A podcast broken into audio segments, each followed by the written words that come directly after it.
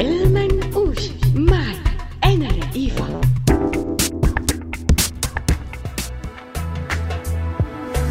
أذرعات أو يذرعات هو الاسم القديم لمدينة درعا وهي من أقدم مدن العالم المأهولة بالسكان ومدن نينوى وبابل وروما. وبترجع بداياتها للعصر الحجري وبتقول الدراسات أنه الإنسان سكنها أول مرة بالقرن الخامس قبل الميلاد.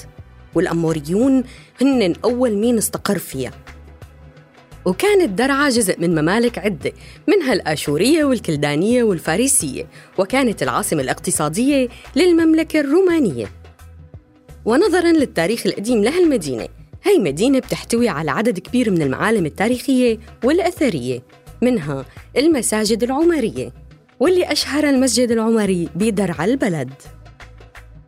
المساجد العمرية هي المساجد يلي انبنت بأمر من الخليفة الراشدي عمر بن الخطاب يلي بزمنه دخلت الجيوش الإسلامية درعا. وغير المسجد العمري بدرعا البلد في المسجد العمري بمدينة إزرع والمسجد العمري بمدينة بصرة الشام ومسجد مبرك الناقة. أما المسجد العمري بدرعا البلد فانبنى بأمر من الخليفة عمر بن الخطاب وأدزارة بعد ما دخلت الجيوش الإسلامية سنة 14 هجرية والموافق ل 635 ميلادية لحتى يكون منارة للعلم.